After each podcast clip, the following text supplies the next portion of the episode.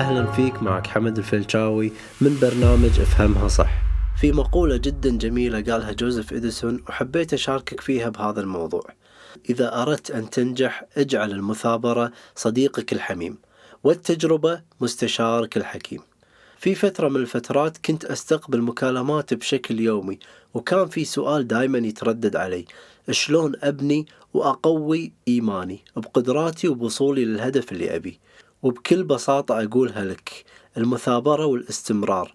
بالمحاولة هي اللي راح تحول رغباتك إلى واقع مادي.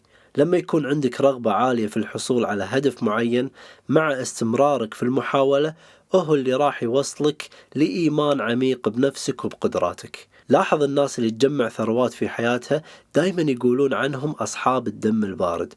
وهالشيء للأمانة مو صحيح. هم بكل بساطة يملكون قدرة عالية على ضبط نفسهم ويدمجونها مع مثابرتهم علشان يوصلون للهدف اللي يبونه. ولا تتوقع منهم إنه وصلوا لهالمرحلة ببساطة لأني كنت منهم.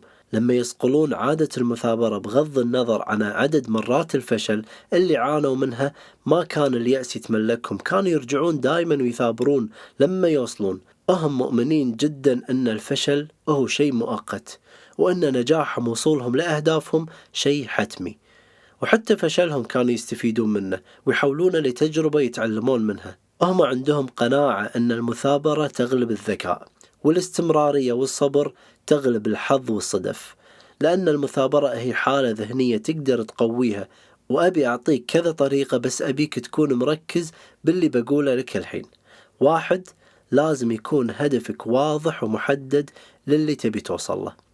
اثنين خطة واضحة تقدر من خلالها تعرف شلون بتوصل لهدفك.